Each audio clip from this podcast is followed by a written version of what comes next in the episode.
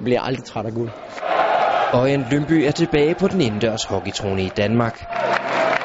Efter 10 mesterskaber i træk blev det kun til en fjerdeplads ved sidste års DM-slutspil. Men i år blev guldet igen hængt om halsen på Lyngby-holdet. Det er en dejlig følelse, ikke? Vi synes, det var en, en god afslutning på sæsonen, og så få rundet af på den rigtige måde. Faktisk var Orient Lyngby meget tæt på at ryge ud i semifinalen mod de regerende mestre for Slagelse, men de vandt en nervepirrende kamp efter straffeslag. Noget af det, vi har bevist gennem de sidste mange år, øh, ikke sidste år, vi tabte, men foregående år, det er, at vi kan komme tilbage. Og det er ligesom noget af det, der tænder os, og noget af det, vi kan.